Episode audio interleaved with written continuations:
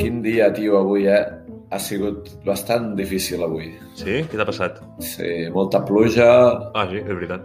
moltes històries, la cosa està difícil, però ens en sortirem. Ara m'ha arribat el rebut... Bueno, no m'ha arribat, ara m'han fet arribar que encara devia el debut de la, el rebut de les escombraries. Són molts, quasi 200 I euros. ja l'estan cobrant, el de les escombraries? Bueno, a mi me'l van cobrar al novembre, però jo no el vaig pagar perquè el paga el llogater. Ah, I ara m'ha dit, hosti, queda això pendent des del novembre. 200 Dic, pavos pagues de bessures? Però quanta bessura generes? No, és la casa que tinc, suposo. Clar. Bueno, tu també la tens gran, la, ca la casa, eh? Tu també la tens gran. I lo que no es la casa. Para todos los públicos, damas y caballeros. Pues eh, Ai. jo pago, crec que pago 80 euros o així, em sembla. Però això és per segons el Bueno. municipi, em sembla, també, no? Sí, suposo que també deu ser. De Home, és que allà, clar, pensa, agafar les bessures de tot olor, pujar-les al cruscat, abocar-les allà. Allò són diners. Fer veure que el volcà s'encén i que siguin escombraries. Sí, sí. Allò val És- calés. És tot un lío. I res, bueno, a part d'això, res. Mira, ahir vaig tenir aquelles potres de la vida. Vas a demanar hora per tallar-te el cabell i la, i la perruquera et diu Ep, m'acaben d'anul·lar l'hora, vols quedar-te? I pam, cabell tallat. Sí, sí, t'he vist, eh, t'anava a dir alguna cosa, però bueno, no, com que de vegades és només que t'has canviat de condicionador i no sabia decidir-te o no. Doncs sí, sí, ahir vaig tenir sort. I res, aquí tinc el... Ah, ja t'ho vaig explicar, que tinc un Apple aquí, no? Sí, l'has aconseguit engegar o què? Què va, tio? Si algú de l'audiència té alguna idea, és un Apple, per començar, hi ha un Apple a casa meva, que ja fa dies que em va sortir una pansa i jo crec que és de l'Apple. Què, què vols dir? Jo tinc, jo tinc Mac, Què? també, tu. Jo tinc al·lèrgia als, als Macs. Sí, hòstia, no I- t'apropis a casa meu, que en tenim, en tenim tres. I aquí està, però no, no, de moment no he aconseguit fer-lo funcionar. Però bueno, és la vida, tu. Sí, sí, sí, és un regal, no? Va costar diners, tampoc. Bueno, no, no, no és ni per mi, eh? O sigui, l'estic arreglant i si l'arreglo el torno. Ah. Vull dir, no... És simplement que el vaig trobar en una casa d'un amic i li vaig dir "Va, això m'agrada, deixa'm-el provar aviam si l'arreglo. I ja m'agrada remenar. Procrastinear és mi vida. Eh, que això és de Krusty el pallasso, no? De Los Simpsons? No, és procrastinear. És el verb de fer tot el que no has de fer quan ho has de fer. Ah, és això de deixar les coses per després. Bueno, és... Uh, vaig a fer això. I veus un enllaç d'algú i, i ja te'n vas a l'enllaç i d'aquí vas passant. Ah, vale. Això es diu també navegar per internet, doncs. Perquè això, Sí. això passava molt. No et passava tu al principi de- d'internet? Jo me'n recordo quan la primera vegada que vaig entrar a internet vaig anar a la Frangipan, del costat del bar de la que tenia els meus pares. Estic parlant de l'any de l'any 90 i alguna Sí. 90 i pocs, segurament. I anava amb monedes, de fet. Era, era una, una espècie de, de granja que tenien ordinadors i tenien internet. Era l'únic lloc del barri que, on hi havia internet. A on era això? A Can Givert, sí, sí, a Girona, a Can Gi. I anava allà i entrava i, i flipava amb tot i me'n recordo que vaig estar parlant amb un senyor de Mèxic, hi havia la meva germana també, eh, i estàvem parlant amb un senyor de Mèxic un rato, però de fet no sabíem què fer a internet. Saps què vull dir? No anàvem a buscar Bueno, res jo, específic. jo l'utilitzava per xatejar el Mirk.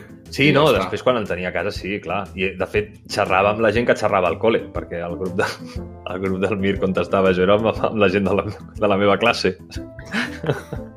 Igual podíem quedar a la plaça.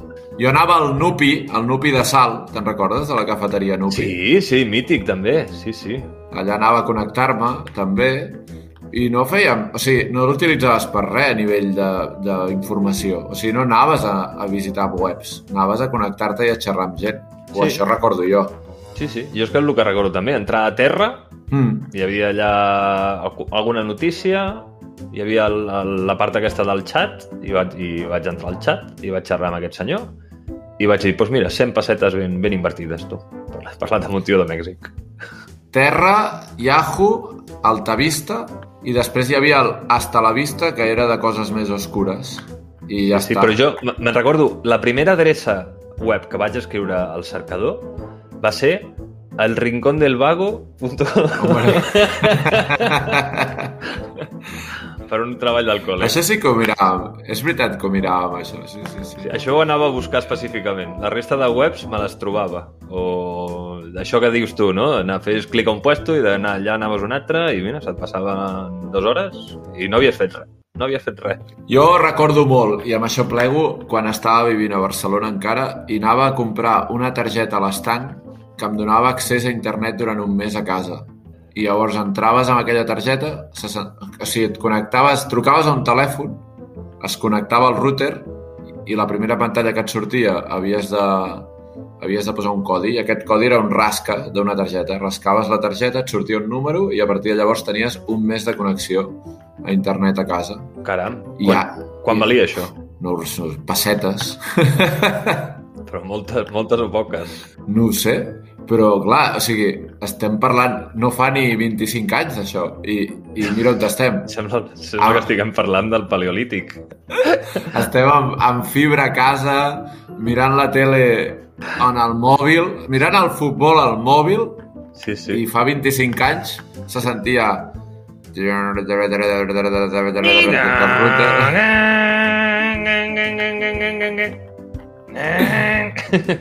I quan algú trucava, que se't tallava, em cago en Déu, quan algú despenjava el telèfon, se t'anava la Sí, connexió.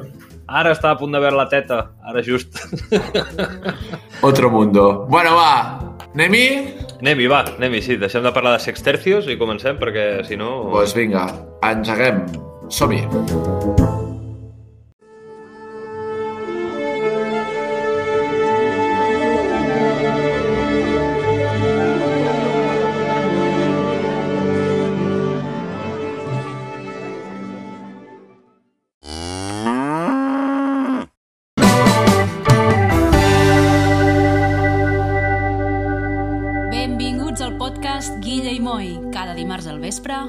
nou capítol. Bueno, bon dia, tarda, bona tarda, bon dia, bona nit a tothom. Estem aquí al capítol 26 del, no, del nostre... Hosti, és que és molt difícil de dir, Guille. Prova, prova. Del, del nostre postcat.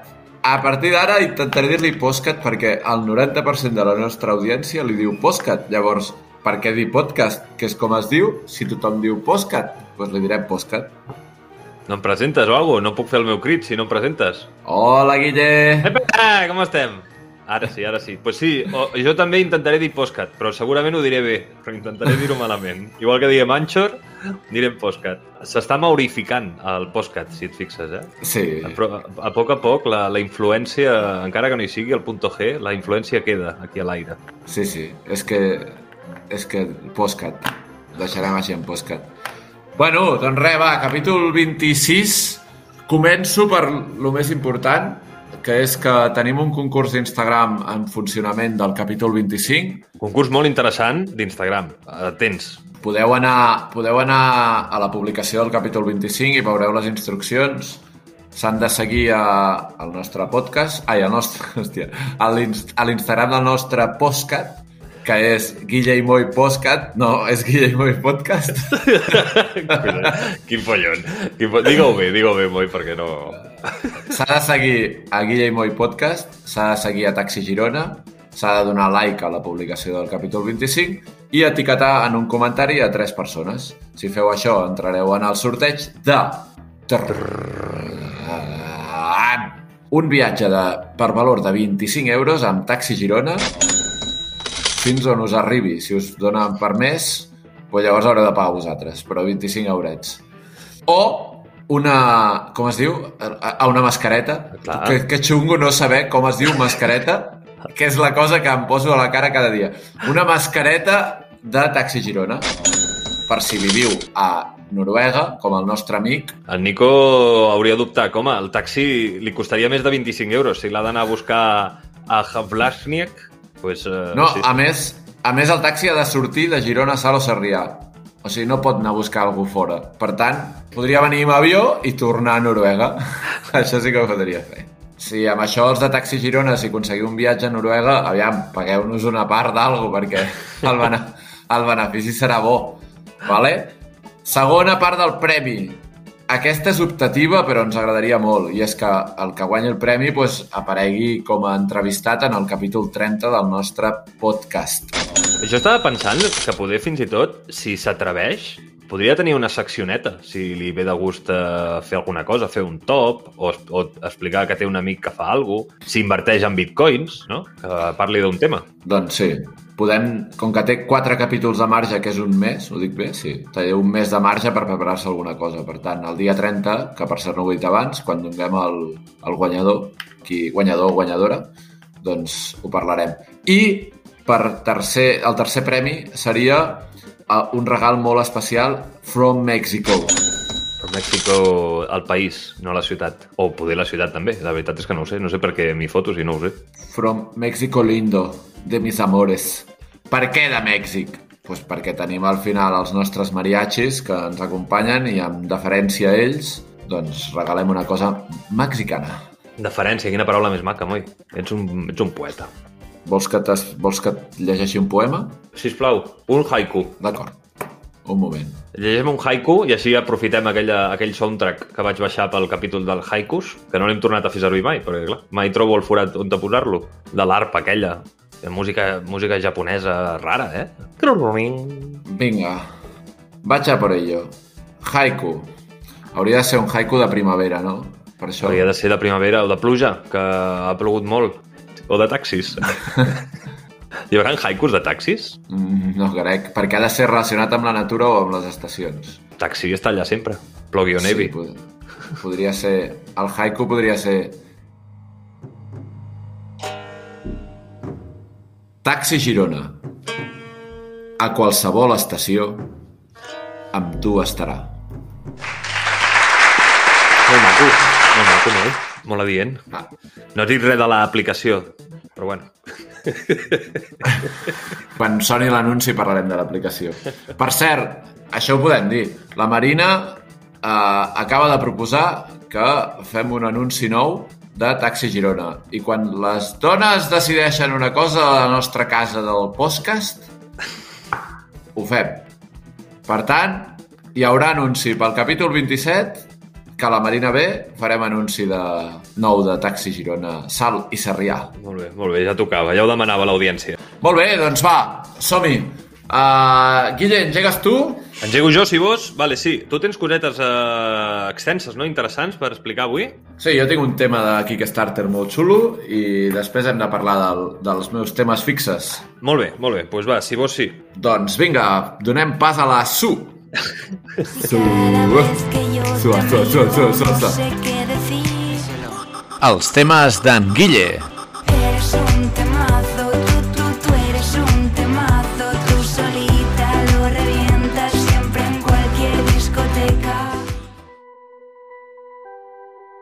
Abans de res, abans de, de començar amb el tema, m'agradaria parlar un momentet, dedicar-li un segon a en Charles eh, Geschka, Geschka, Geschka, no sé com es pronuncia, en Chuck. Post, postcast.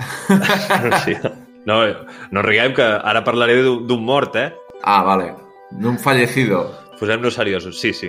En Chuck, eh, és com se'l coneixia, va morir el passat 16 d'abril als 81 anys, vull dir, no va, no va ser un accident, eh? Va morir de, de vell. I normalment, ja, ja et dic, no fem epitafis en, en aquest postcat, no solem fer això perquè, bueno, no aguanten bé el pas del temps, no? I, i, el, I el format propi del podcast és una mica raro, perquè parlar d'actualitat això ho pots escoltar el 2030, llavors tampoc té gaire sentit. Però no, volia fer aqu- aquest petit homenatge perquè bueno, és un home que és molt important i tots, més o menys, en major o menor mesura, li devem alguna a aquest home. Aquest va ser el, el creador i fundador de la companyia Adobe.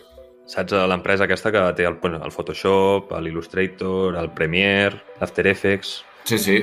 Cap al 2000 i pico així van absorbir Macromedia, a més, no? I van, i van fer-se i van encarregar-se de, de dur els programes com el Dreamweaver o el Flash, que, bueno, sense el Flash, doncs YouTube, per exemple, no existiria. I, a més a més, aquest home és el pare del PDF, no? És qui va idear aquest format. Bueno, un dia, un dia potser parlaré d'aquest tio, perquè és un tio, la veritat és que va tenir una vida molt interessant, perquè aquest home, per exemple, anava per jesuïta, no anava a ser informàtic. El van segrestar també, l'FBI el va alliberar d'un segres- d'un segrestament. Vull dir, és un tio que té una vida tot curiosa i volia fer aquest petit homenatge perquè gent com jo, que som dissenyadors, toquem molt els seus programes moltes hores i m'ha sapigut una mica greu perquè no s'ha donat eh, ressò a aquesta mort que crec que és una tragèdia, eh, una petita tragèdia, o com a mínim, bueno, és un ai, no?, per la gent que ens dediquem i que fem servir els seus programes. I volia, de, res, deixar constància aquí.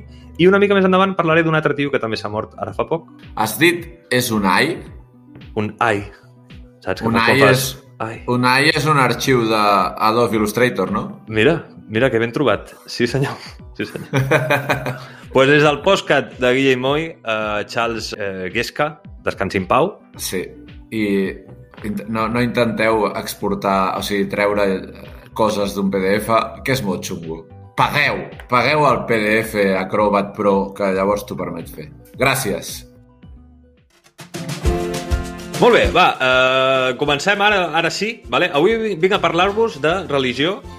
El tema és una mica així, és metafísic. Avui estic metafísic, moi. Avui estic metafísic. Avui us vinc a parlar de religió i eh, te'n recordes aquella gent que trucava abans a les portes? Ara no sé si ho fan. Ara amb el Covid segur que no, però la gent que trucava i et deia hola, vengo a hablarle de mi religión. No, aquests estan... Bueno, com a mínim a Olot ara posen com unes paradetes allà a la plaça Clarà i estan allà esperant a la gent que passi. Està... Ah, vale, vale, estan esperant. Com aquesta gent que demana firmes per salvar les ballenes i aquestes coses. Sí, Estan allà a Sí, la sí, guai. sí. Estan allà a la que pesca. Jo me'n recordo que una vegada li vaig dir amb un no creo en mi Dios, que es el verdadero, voy a creer en el tuyo.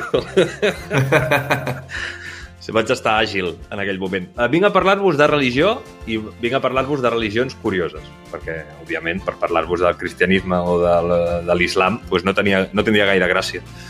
Llavors, uh, començarem començarem, no és un top ben bé, però bueno, porto un llistat de, de religions i començarem amb el pastafarisme.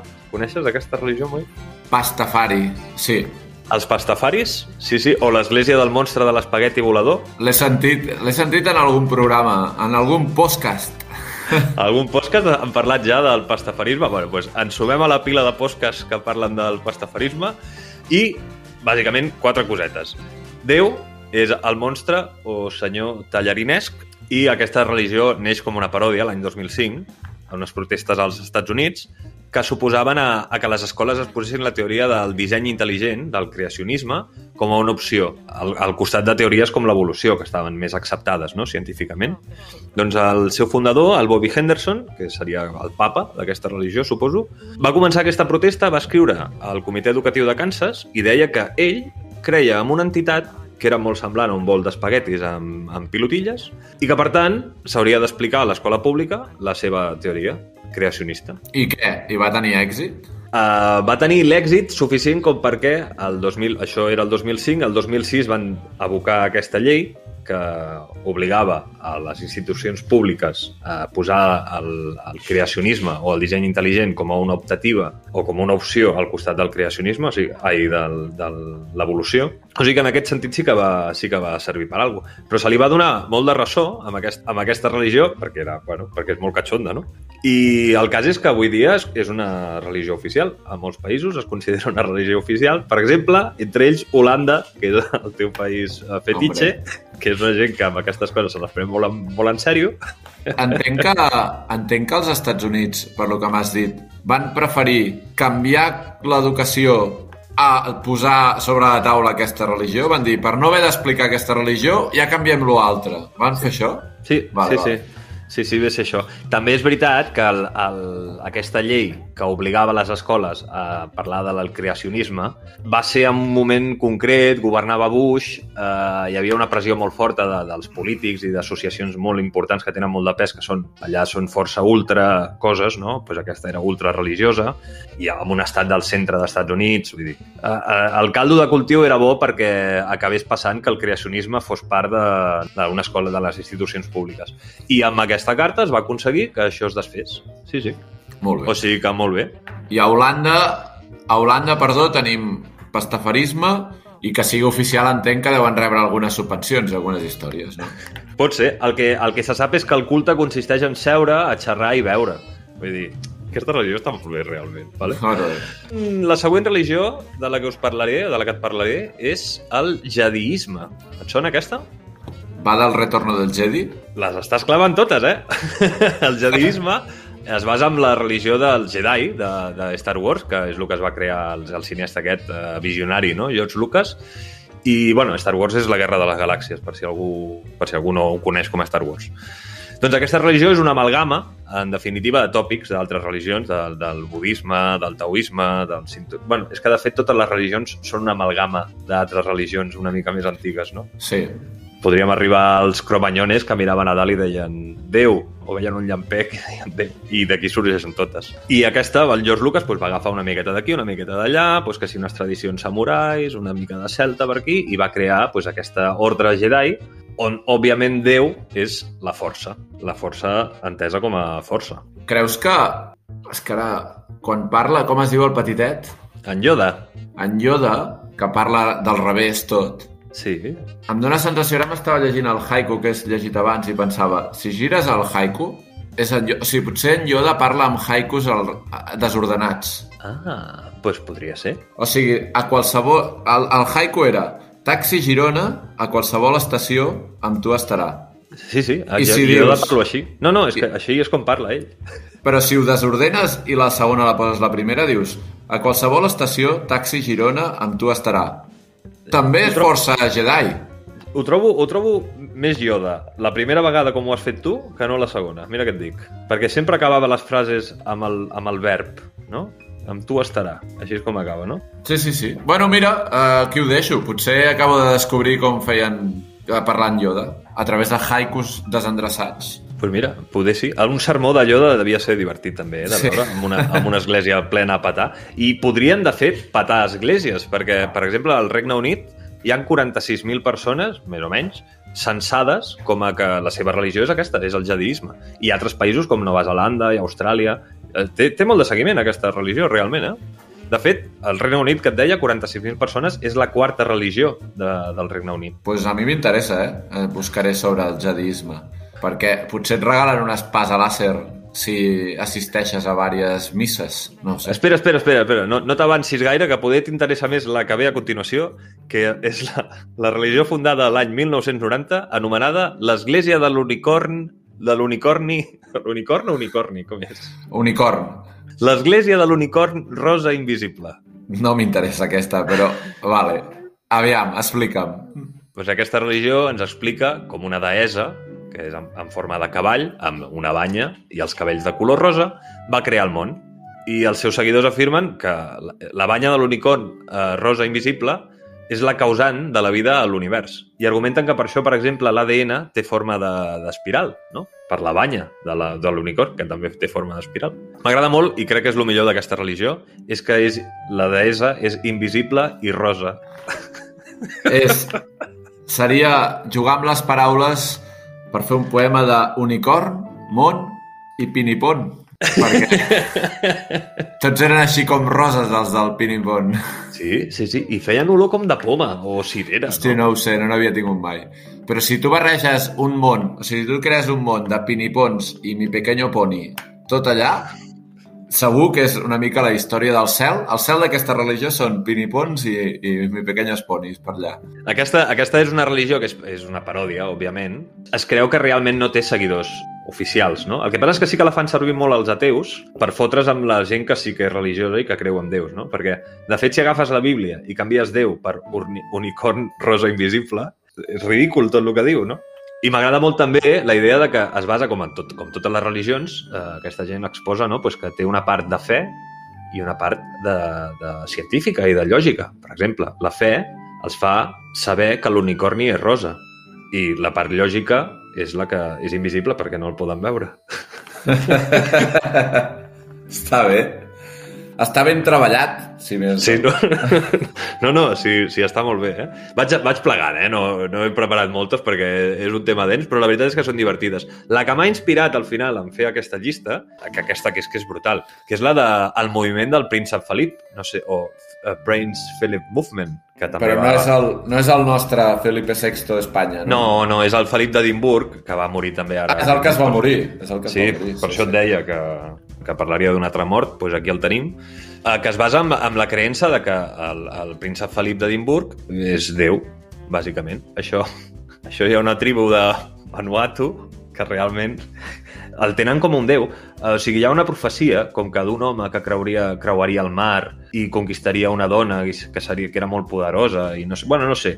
Ho van fer encaixar perquè, la, perquè el príncep d'Edimburg fos, el, fos el seu déu i ara s'ha mort. I aquesta gent què? Estan orfes de Déu ara mateix. Ho has buscat? Has buscat quina ha sigut la reacció d'una tribu de Vanuatu que tenien a Déu, a Felip com a Déu i ara ja no el tenen? Què ha passat? He estat mirant, però no he acabat de trobar com ha reaccionat aquesta gent, perquè la veritat és que són d'una són d'una són d'una tribu una mica apartada. No, és, no he llegit les, les reaccions que han tingut aquests, però la veritat és que és una cosa per considerar, perquè ja et dic, si se't mor Déu, a més, se't mor Déu perquè t'enteres, no?, de que s'ha mort. Fa molts anys vaig, estava parlant de, amb un amic sobre això, sobre aquesta religió, i ell me va explicar una història que m'agrada més que la història que he trobat, que és que una avioneta es va estavellar amb aquesta illa i per algun motiu portava una imatge de, de una foto de, del Felip d'Edimburg. Ara ho he vist, això de la foto. Sí, sí. Però és que no sé si és llegenda o és certa, aquesta, aquesta història. No sé. El cas és que la, la gent d'aquesta tribu, digues, El príncipe Felipe le escribió a los pobladores de Tana durante años y les envió fotografías suyas. Sí, sí, clar, un cop es va enterar d'això... Eh... Però el cas és que, el, que, que aquesta tribu va trobar la foto i era el primer home blanc que trobaven i com que les seves llegendes parlaven d'un home que era pàl·lid i que creuava els mars i no sé què, per, doncs el van adoptar com el seu déu, com el seu... Eh... Sí, això, com el seu déu. El Felip d'Edimburg s'entera de tota aquesta parafernàlia i visita durant molts anys, de fet, va estar durant molts anys eh, visitant aquesta gent o veraneando per allà, no? I veus a la gent de la tribu que té fotos amb ell. Dir... Bueno, ja és, és engegar una mica el... O sigui, és dir, ah, que em tenen com a Déu, doncs anem a fotre-hi una mica de... I, I va, saps? A sobre hi va el tio. Però bueno, bueno. El devien riure amb honors, eh? És humor... Ang... Per mi és humor anglès, això. Sí. Això és humor anglès. Hi ha més, hi ha més religions basades en mites eh, que coneixem, que també són morts, com l'església maradoniana, per exemple. Mm -hmm. Que de l'església maradoniana m'agrada bueno, perquè això comença també com una broma. Era cap al 98 o així, comencen a celebrar el dia del naixement de Maradona com si fos Nadal, no? Fan la mateixa festa, però en comptes de fer-ho el, el 25 de desembre, doncs ho fan el dia del naixement de, de Maradona. I la cosa es va més, va més, va més, i bueno, i és una religió que té molt de seguiment, òbviament, sobretot a Argentina però que té, però que té les seves... Vull dir, té els seus càrrecs eclesiàstics, té els seus manaments... Vols que et llegeixi algun dels manaments? Sí, sisplau. Això estaria bé que ho llegeixis tu, perquè tindries accent argentí. Però per què no, tinc, que no tens tu accent argentí? No, el, no el faig prou bé, i la veritat és que em fa una mica de vergonya, així que... Uh... prova, prova tu. Bueno, viste, Ah, este, tengo que hablar como, como, Leo Messi en este momento, ¿no? Pues entonces, a los diez mandamientos de la iglesia maradoniana son los siguientes. Pelotudo. la pelota no se mancha. Amar al fútbol sobre todas las cosas. Declarar tu amor incondicional por Diego y el buen fútbol. Defender la camiseta argentina respetando a la gente. Y difundir los milagros de Diego en todo el universo, che. Anant una mica, eh? Sí. Me cuesta, me cuesta un poquito hablar con este acento si tengo que leer, porque lo más fácil es hablar así, sin, sin, sin decir nada, ¿no? Cuando tú vas hablando, che, sin decir nada, es más fácil para hablar. Sí. És molt argentí, de fet, això. Siempre hablan con este, hacen ese fácil, fácil, siempre hacen sí, esto, sí, ¿no? Sí. La cantarella aquesta, una mica italiana, sí, sí. Sí, que no, es que no lo viste, no lo viste. bueno, fins aquí.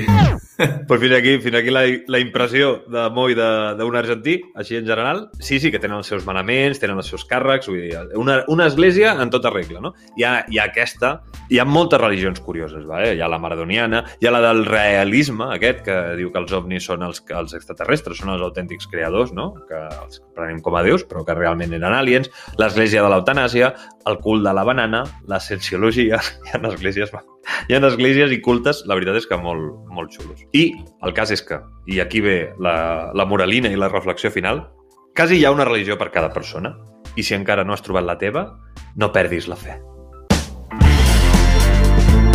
Molt bonic, Guillem. Quin final. Mira, t'ensenyo el, el cor, el meu cor de roba que m'han fet aquesta setmana per demostrar-te la meva estimació. No només m'han fet un cor de roba, sinó que m'han fet, i un moment, un moment, eh? El Moi es treu els cascos i marxa. Ha anat no sé on. Encès el llum, ara? M'han fet una nena de la classe que fa cus, que cus, una vareta de cor, Caram! Ostres! Està molt currada, eh? amb la qual puc fer enamorar la gent. Pots rebobinar el podcast amb la vareta. Està molt currada, això t'ho ha fet una nena? Sí, sí, sí. Una nena de classe m'ha portat això. Aquest cor ha sigut una. Són dos que fan, que acusen. I m'ha portat aquests regals aquesta setmana perquè la vareta, perquè la tingui per aquí, perquè evidentment no vaig amb una vareta pel carrer. I això ho volia que ho pengés a la motxilla, però li he dit que es mullaria i seria complicat i ho deixaré a la caravana penjat. Es nota que toca posar notes d'aquí poc, eh? Sí, sí, sí, sí. Comença el, el suborn. Comença el Suborn Final Southborn. Molt bé, doncs fins aquí. Jo ja estic, eh? Jo ja podria plegar. M'esperaré per escoltar-te per deferència. Avui és una paraula que estem fent servir força amb, amb un Moisès Dubé, que no, que porta un tema molt interessant. I fem una pauseta, què et sembla? Fem una pauseta?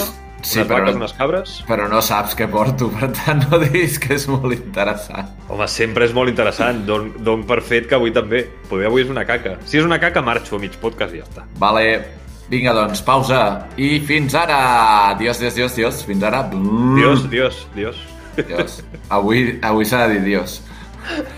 Che, que, vini, que viniste a, a buscar a buscar la verdad.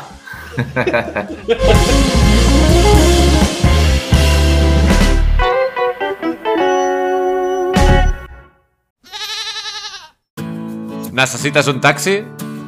Taxi Girona, Sal i Sarrià. Els millors taxis al teu servei. Ens podeu trobar a taxigirona.es o al 605 7272 72. El millor taxi.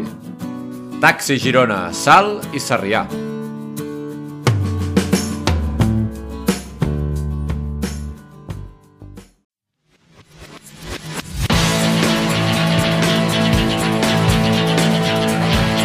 Moltes gràcies al nostre patrocinador, Taxi Girona Sal i Sarrià. Hi ha una app, una app, una app, que es diu Taxi Més i que ja tindrà cunya nova la setmana que ve o l'altra quan, quan la gravem amb la Marina. I ara continuem amb el nostre podcast. Recordar que tenim nou grup de Telegram, Guille. Ai, no me'n recordava jo d'això. M'he baixat el Telegram només per, per aquest grup, eh? De fet, som, ara de moment som tres, o sigui, som tu i jo i en Willy de Taxi Girona, i aviam si aconseguim ser algun més. L'adreça ja la dic, que la tinc aquí davant, per, per poder connectar-se a aquest Telegram, podeu buscar el grup a través del Telegram. Si busqueu, si busqueu Guilla i Podcast al Telegram, us sortirà el grup i us podeu afegir. Però, si voleu anar directament per una adreça de, de una URL, podeu anar a ja.cat, com sempre, ja.cat barra Telegram Guille Moi. Uh, Telegram és com sona i Guillemoi és com sona també. Amb una U, poseu una U, que hi ha gent que escriu Guille i posa G, I. No, G, U, I, L, L. Eh? Com guitarra. Clar, Tot i que si escriuen malament Guille també escriuran malament guitarra, no? i si poseu Girona amb U al mig, ho esteu fent com Girona. si escriviu malament Girona, doncs Guille s'escriu així. S'escriu així. bueno, va, som-hi! Kickstarter. Avui he anat a buscar les coses que estan molt financiades, no? Llavors, li queden 30 dies, té 750 patrocinadors, ells buscaven 8.312 euros i han aconseguit 2.500.000 euros. Collons! Buscaven 8.000 euros i han aconseguit 2 milions? Sí, sí, sí. Però què, què fan? És que és molt heavy, això. Jo crec, crec que la gent que ho ha... Són només 750 persones, perquè és molt car. Però crec que la gent està veient que això soluciona un gran problema i que és interessant tenir-ho. O sigui, crec que la gent està veient que això és molt important i que s'ha de tenir. I els que s'ho poden permetre ja han gastat... Penseu que normalment pots gastar-te diners, de diferents quantitats de diners, depenent del, del, del retorn que vulguis. Doncs pues els més cars, el més car ja està gastat. O sigui, ja no hi ha, ja no hi ha opció. Però el més car, el més car deuen ser uns quants, unes quantes desenes de milers, no? Mira, el més car que està gastat ja, que ja no n'hi ha, no hi ha opció, estem parlant de 6.400 euros. I ja hi ha 50 patrocinadors de 6.400 euros. 200 patrocinadors de 3.100 euros. 300 patrocinadors de 2.300 euros. Tot això ja està fet. Ja ho tenen. Mare de Déu, per favor, Moi, explica'm, explica'm de quin invent es tracta. És super senzill, però té, té forces coses. Es diu Blue T, amb dos T's, Blue T, i hi ha dues versions, la EP 500 i la EP 500 Pro. I és, perquè us feu una idea, un aparell de la mida d'un aire condicionat, vale? portàtil, d'aquells com un pingüino, que d'inici el que fa és d'acumulador d'electricitat. Això d'inici, vale? acumula electricitat. Aleshores, l'opció bàsica, la, la motivació bàsica seria quan se te'n va la llum, això s'engega i segueix extinguent llum a casa. Només per això ja està bé. Però no només és això. Té una capacitat de bateria de 5.100 watts hora. Vale? Vol dir que una bombeta que té 20 watts, en una hora gasta 20 watts hora. Pues això té 5.100 watts hora. Vale? Per tant, té una alta capacitat per, per acumular energia i, i tenir electricitat durant un força temps. Com quant de temps? Doncs et pot mantenir una nevera engegada 4 o 5 hores, et pot carregar el mòbil 157 vegades, un portàtil 48 vegades... Vull dir, estàs parlant d'una capacitat de, de càrrega bastant, bastant important. En cas d'apagón, apagón és una gran paraula, en cas d'apagón pot, eh, pot donar eh, d'electricitat per un valor de 2.000 o 3.000 watts, depenent del model. Vale? Per tant, les coses que van amb 1.500 watts te les fa funcionar sense problema, les coses que van amb 3.000 watts si tens el model més Pro, que per això hem parlat abans de l'EP500 i l'EP500 Pro, doncs funcionen X temps. Si són de 3.000 watts i fa 5.100 watts hora, doncs et dura quasi dues hores qualsevol cosa que tingui 3.000 watts. Bastant interessant. Un cicle de vida d'unes 6.000 càrregues. Per tant, es pot recarregar 6.000 vegades. Més o menys, diuen. I tot va a través d'una app de mòbil, que està amb Android i està amb Apple. És que quan he de dir Apple no em surt. Amb Apple, de, que és per fer un control remot del tema, no? Avantatge respecte a un típic generador d'aquells de, de benzina. Saps aquells generadors que la gent a vegades té fora? Sí, sí, sí. Doncs, primer, zero CO2. Clar. O sigui, zero CO2 en contra de la pol·lució que genera un, un generador normal. Silenci versus soroll. Sí, perquè fot una escandalera un generador. Sí. Mare de Déu. Aquí entro en un tema. Càrrega solar contra benzina. Es carrega amb el sol, això. Aquí, està, aquí crec que és on és la clau de tot. Càrrega solar en respecte a la benzina que et pot costar un generador i el tema del preu. O sigui, quan tu tens un generador amb benzina, depens del preu de la benzina per anar tinguent electricitat. Quan el generador es pot carregar amb càrrega solar, un cop l'has comprat, aquí s'acaba el problema. és gratis. Bueno, gratis si fa sol, clar. Si fa núvol, doncs pues no, però... Ports que té. Té quatre ports de corrent. Normal. Tres ports de 12 volts. Dos ports USB. Dos ports USB de, de càrrega ràpida. Dos ports de càrrega de wireless, d'aquella que poses l'aparell a sobre i es carrega. Un port de 100 watts de USB-C que serveix per un portàtil, per exemple. Vull dir, mil històries d'aquestes. Com es carrega? Amb 9 hores carregant a la corrent de casa amb 600 watts de despesa. Vale? 600 watts de despesa, amb 9 hores ho tens carregat. Per tant, estàs estalviant electricitat. I amb càrrega solar, a un ritme de 1.200 watts, amb 4,7 hores ho tens carregat. Amb 600 watts carregues 10.000 watts? Entenc que amb 600 watts hora, durant 9 hores, carregues. Vale, vale, vale, vale. O sigui, el consum que té és de 600 watts hora i la capacitat de càrrega és de 10.000 watts, que és el màxim que acumula de... de Suposo de que sí que deu anar així. I a, I a nivell solar carrega més ràpid, perquè pot fer 1.200 watts, Caram. i amb 4,7 hores carrega. Hòstia, quina, quina passada d'invent, no? És molt, és molt específic i per poques butxaques, però és per tenir-ho en compte, eh? perquè sobretot a cases com la meva, que quan ens quedem sense llum... Jo visc un poblet, a prop de Girona, i quan ens quedem sense llum, a més un mas aïllat, no som una prioritat mai. si se'n va la llum al poble, vale, però si se'ns va a nosaltres, pues, bueno, ja vindran, si això, no? Jo, jo crec que vull dir, la gent ho està veient, que és un tema interessant. I llavors et, et parla dels quatre usos que pot tenir més fàcils. El primer és que tinguis una estació elèctrica movible, o sigui, tu pots agafar això, endur-te al jardí i a partir d'aquí que doni vida a una festa, per dir alguna cosa, no? En, en un camp, en un prat al mig de la muntanya. Sí, sí, sí, sí. També com a generador elèctric d'emergència a la xarxa, perquè a través d'una mena de- d'aparell intermig tu pots tenir, per exemple, tots els aparells bàsics que necessites que passin per aquest generador i, per tant, si la llum se'n va, els segueix funcionant a través d'això i la resta dels aparells o la llum o el que tinguis ho, ho segueixes tinguent directe per la xarxa elèctrica. Com un, Llavors, com un pots- SAT o així, no? Un site, no? Sí, ho pots, tenir, ho pots tenir al mig. També ho pots tenir com a generador portàtil dins de casa. Simplement ho connectes a la corrent i quan se'n va la llum, doncs això s'activa i tens corrent al teu portàtil. Punto. No, no més que això. I per últim, com a acumulador d'energia solar, perquè tu pots anar agafant i anar guardant aquesta energia i utilitzar aquesta, i, no, i tenir el teu portàtil sempre endollat o la teva nevera sempre endollada a través d'energia solar. I per tant no gastes. Al final, el problema de, de, que jo moltes vegades això m'ho plantejava també, no? Com és que no fem servir energia solar tot el rato? I és que el, el problema de l'energia solar és acumular-la, precisament. Poder també hauríem de mirar de reduir una mica. Això també estaria bé, no? De començar a gastar menys electricitat. Però, bueno, de moment no passa, no? I el cas és que no podem substituir l'energia que generen les centrals hidroelèctriques o les centrals nuclears perquè gastem massa electricitat i la solar no s'acumula, és, només, és de consum ràpid, diguem. Tal i com la reps, la gastes. Llavors necessites això, moltes bateries i, bueno, és una infraestructura important. Però, bueno, això veig que si està anant per aquí la cosa, jo no ho veig, eh, jo ho veig molt bé, eh? No, per aquest invent i, i, per, i per la instal·lació de casa, al final, perquè si entens, si et fots 14 bitxos d'aquests per la casa, ja està, no depens d'Endesa ja mai més, eh? El, el més car, el que, aquest, el que ja està gastat, diguéssim, que ja no es pot consumir, per dir-ho així, que té només 50 pa- patrocinadors, són dos uh, Pro Power Station, diguéssim, que per tant tens capacitat per 5.100 watts hora multiplicat per 2 i per tant tens 10.000 watts hora per, per treballar i això val 6.400 euros.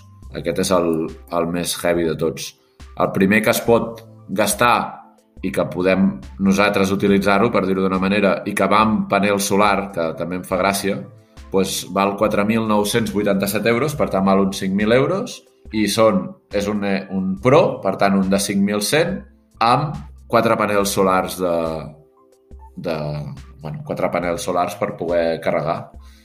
I, bueno, clar, doncs, amb això, en teoria, jo entenc que hi ha gent que diu si em compro això, primer, m'evito problemes en moments de que hi hagi una apagada general, però a més a més és una manera, entre cometes, crec que legal, de generar-te la, la teva pròpia energia sense, sense generar problemes, perquè això de l'energia solar sempre genera problemes a nivell de que has de pagar igualment, que no sé què. Bueno, doncs aquí t'estàs generant la teva energia solar a petita, a petita escala i potser tens quatre coses endollades a casa amb això i no gastes de l'energia normal.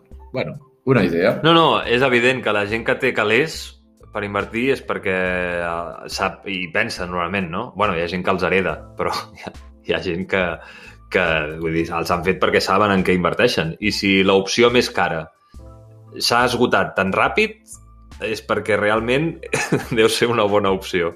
Sí, sí. I, bueno, ja et dic, a mi em sorprèn que volguessin només 8.000 euros. En devien voler vendre un. bueno, per fer el prototip, poder, no?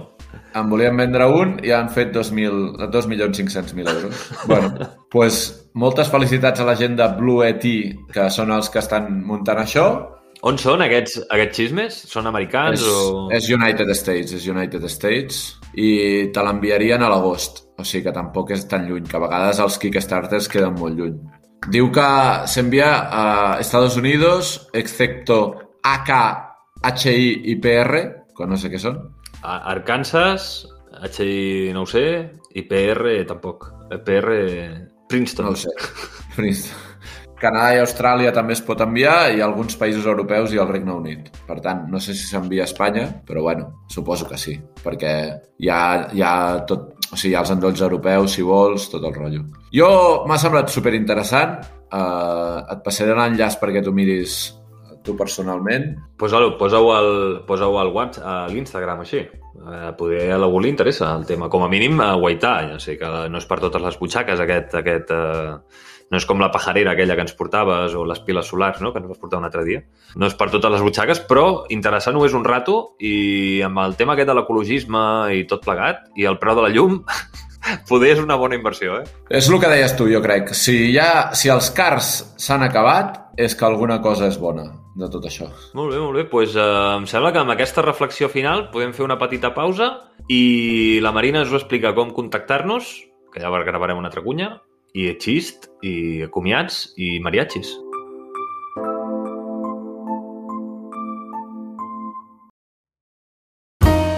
Tens alguna cosa a dir?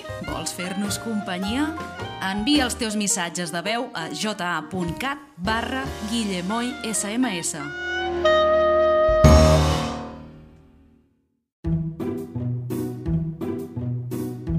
El xist de la mama.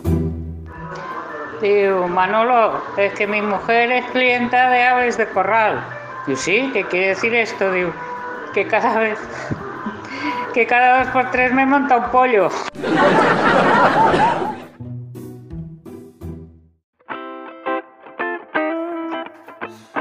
A veure, ha dit clienta de aves de corral? Jo, jo és el que he entès, però... Bueno, al final és bo. Lo de l'inici ha quedat una mica estrany, però al final, com sempre, el xist de la mama és un bon xist. Bueno, va, Sí, va, eh, bitcoins i manàs. Estem neguitosos per saber quants diners has palmat aquesta setmana o quants diners has, has guanyat honrosament aquesta setmana. escolteu-me, això sí, és una informació, ho puc dir amb l'insult, eh? és una informació de merda, perquè, clar, donem la informació del bitcoin i el manà una setmana després i és la cosa més volàtil de la capa de la Terra. Però bueno, és igual, és la vida i ho tenim així. A veure, el manà segueix triplicant el valor del qual el vaig comprar. Molt bé. Tot i que, tot i que aquesta setmana va passar una cosa. Hi ha hagut pams. Va haver-hi un megapam i es va quintuplicar. Hosti, Sí, vaig arribar a quintuplicar el valor i ha baixat a, triple, a triplicar. Ara torna a estar triplicant el valor.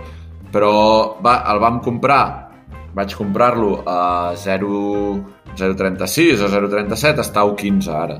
Per tant, la cosa està bastant bé. sí, sí, ostres, però tu, tu vas dir que si s'arribava a quintuplicar, el vendries. No, a 10, a 10. Multiplica per 10. Ah, vale, vale, vale, vale. Si es multiplica per 10, i ara ja m'estic de, desdint, eh? Perquè estan, estan explicant... Avui tinc un nou concepte, eh? Tinc el concepte de la balena, Vale. que us he d'explicar què és una balena en, en cripto. I el bitcoin està com sempre. Em vaig comprar X i ara tinc X més 3 euros. Està com sempre. Ah, bueno, vale. El bitcoin va, va fluctuant molt poc i com que tens molt poca quantitat de bitcoin, doncs llavors no varia gaire. Entenc que la gent que té 8.000 bitcoins sí que li ve de- d'un 0,2% de fluctuació, però en el meu cas no. Bueno, però la, la, la... Però continua pujant. Continua pujant. Continua pujant, va pujant, va pujant. És una cosa que és com l'or, no? Va pujant, va pujant. Poc, poder a poc a poc, però va pujant, va pujant. També dona més seguretat, no? Tenir una moneda que va pujant. A poc a poc, però va pujant. Tu saps que d'aquí 20 anys valdrà més. Això el manà diuen que, que arribarà als 12 dòlars en un o dos anys, han dit. Bueno, 12 dòlars en un o dos anys, quan l'hem comprat a 12 dòlars són uns 10 euros, Guille? Sí, però sí, sí, depèn del canvi. Sí, sí, 9 Bueno. euros, sí. Posem-hi 10 euros. 10 euros quan es va comprar a 0,36, Home. això multiplicaria per 30, no? Ho dic bé? Sí, per 30. Està molt bé. Tant de bo. Està molt bé si has comprat 1.000, per exemple. En aquest tema entren les balenes, que així et puc in- inculcar informació nova sobre les criptomonedes. Va, eh, ampliem el nostre vocabulari criptomonèdic amb, amb Moi. Eh, Les vols una- balenes- Vols una sintonia per la teva secció de, de vocabulari? Poder, poder ja podríem fer una, podríem fer una secció de, de cripto ja, eh? Perquè Vale. ja fa 3 setmanes. Li posem títol, com es, com es pot dir? Mm, Criptomoi. és, és el títol més fàcil, a mi també se m'havia acudit això. Dóna'm manar. pues comencem la nostra secció Dóna'm manar. amb Cryptomoy. A veure... Les balenes són eh, entitats que poden ser empreses o gent molt rica que compren molta, molta, molta quantitat d'una moneda. Vale? És com si mengessin... Oi que les balenes s'alimenten de, de... Com es diu allò? De plàncton, però no totes. De plàncton. Bueno, però imagina't que és una balena que s'alimenta de plàncton i que, per tant, de cop i volta menja molta quantitat de plàncton, no? Doncs és una mica el mateix, la mateixa idea. Llavors, el que fan les balenes és comprar molt quan està a baix preu i quan ha pujat una mica, X, ho venen. Llavors, si la resta de la gent, al veure que baixa, ven, allò encara baixa més I recompren. i llavors elles tornen a comprar encara més i s'esperen a la següent pujada. I van fent aquest gest. Llavors, tota la gent que tracta amb criptomonedes et diu que sempre facis hold quan hi hagi una baixada. Hold vol dir que no venguis, que tu mantinguis. Perquè d'aquesta manera la balena no li baixes el preu i trigarà més a comprar-ho i els compradors reals seran els que compraran i ompliran la moneda de, de valor real, perquè aquestes balenes l'únic que fan és comprar molt, esperar una mica, vendre-ho, esperar que baixi, perquè com que ells han vengut ha baixat molt el preu i tothom s'espanta, baixa més encara i llavors tornen a comprar. I van fent, van fent, van fent aquest cicle. I cada cop que, cada cop que fan aquest eh, tira i afloja, avancen una mica més. I, abans, Sí. i, I en aquest marge del de, preu que ho has comprat, el preu que ho has venut, o sigui, el preu que ho has venut i el preu que ho has recomprat, és on hi ha el benefici. Això ho faig jo al, al joc aquest. Coneixes el joc No Man's Sky? No?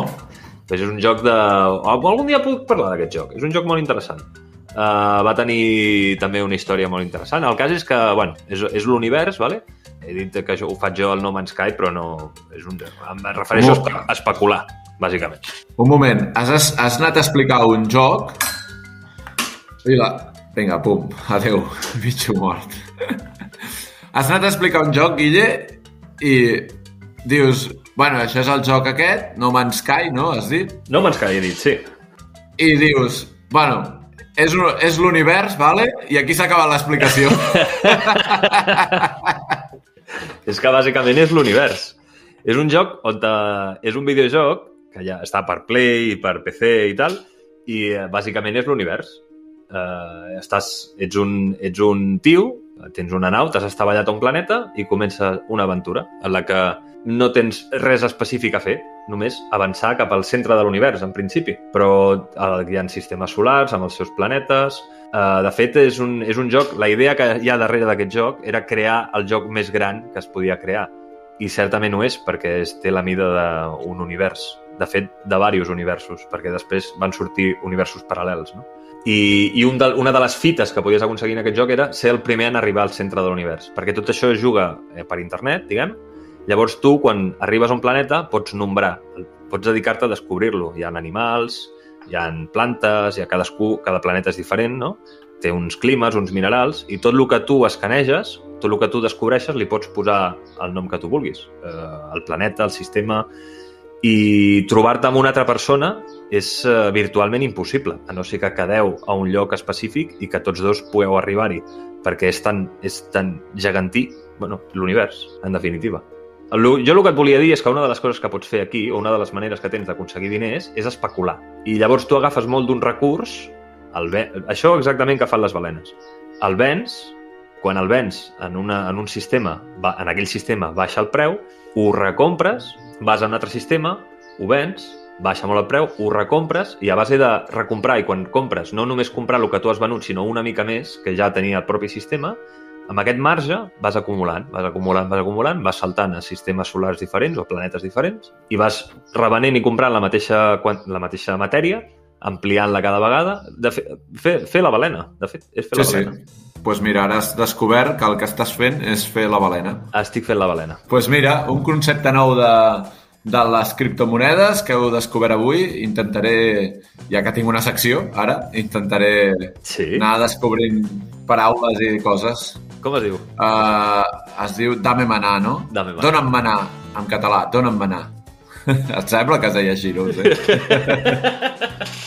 per cert, una, una mini, mini, mini. Foro Cotxes ha tret una criptomoneda En sèrio? Sí, i han dit que donen com una mena d'assegurança de que es revalor- revaloritzarà. No sé de què va, eh? Només et puc dir això perquè era un tuit molt, molt curtet. Aquí ho deixo. Ja, ja investigaré per la setmana que ve. Forocotxes és un, és un tema també que algun dia en podríem parlar. És, és una comunitat que és molt potent. Està plena de trolls, també s'ha de dir, però la veritat és que són una comunitat molt potent, eh? Aquesta gent canvia opinions, eh? Són realment influencers. Sí, sí, sí. Bueno, doncs res més. Uh, Guille, gràcies. Moi, gràcies a tu. Gràcies a tu per uh, fer possible un dia més el Guille i Moi Podcast. Ens veiem la setmana que ve amb la Marina, si tot va com ha d'anar. Fa dos dies que escolta el podcast seguit. No m'ho puc creure. No. Donem-li una abraçada perquè potser serà la tercera vegada que l'escolta, aquest. Bueno, de fet, no. Quan surti aquest podcast, si gravem l'endemà, no li haurà donat temps d'escoltar-lo. Però bueno, poder sí. Marina, una abraçada. Quan entris, si has escoltat aquest podcast, anem a fer una prova, Guille. Si has escoltat aquest podcast, Marina, Estàs posant a prova de si la Marina realment ens escolta quan sabem que no ens escolta. sí, però ho, Vale. pro- ho donarem... S'ha de fer evidència científica i la fe, no? És el Sí. que fèiem abans, no? Sí, sí, sí. Vale, doncs la fe és creiem que ens escoltes. Però com que volem una evidència científica, quan entris, el primer que has de dir, Marina, al pròxim podcast és les balenes viuen al mar. Bueno, Aquí està. aquí està, aquí està la prova, el, el test, de, el test de, de Cooper. No, no sé, un test. He dit un test a l'atzar, eh? Que és el test de Cooper. és algú de córrer, no? És algú Sí, sí, el test de Cooper és d'esport, sí, sí. El test de Rochard, de... del nostre podcast.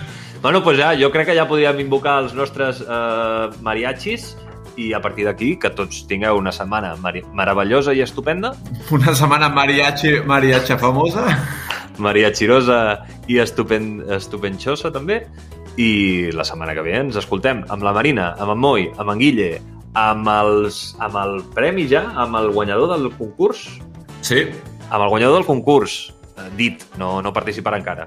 Eh, tot, tot, tot, no, no us ho podeu perdre. i anirem pel 27. Quin número més bonic, el 27? Hala, ¿mariachis o qué? ¿Mariachis? ¿Mariachis? 27 es un número primer?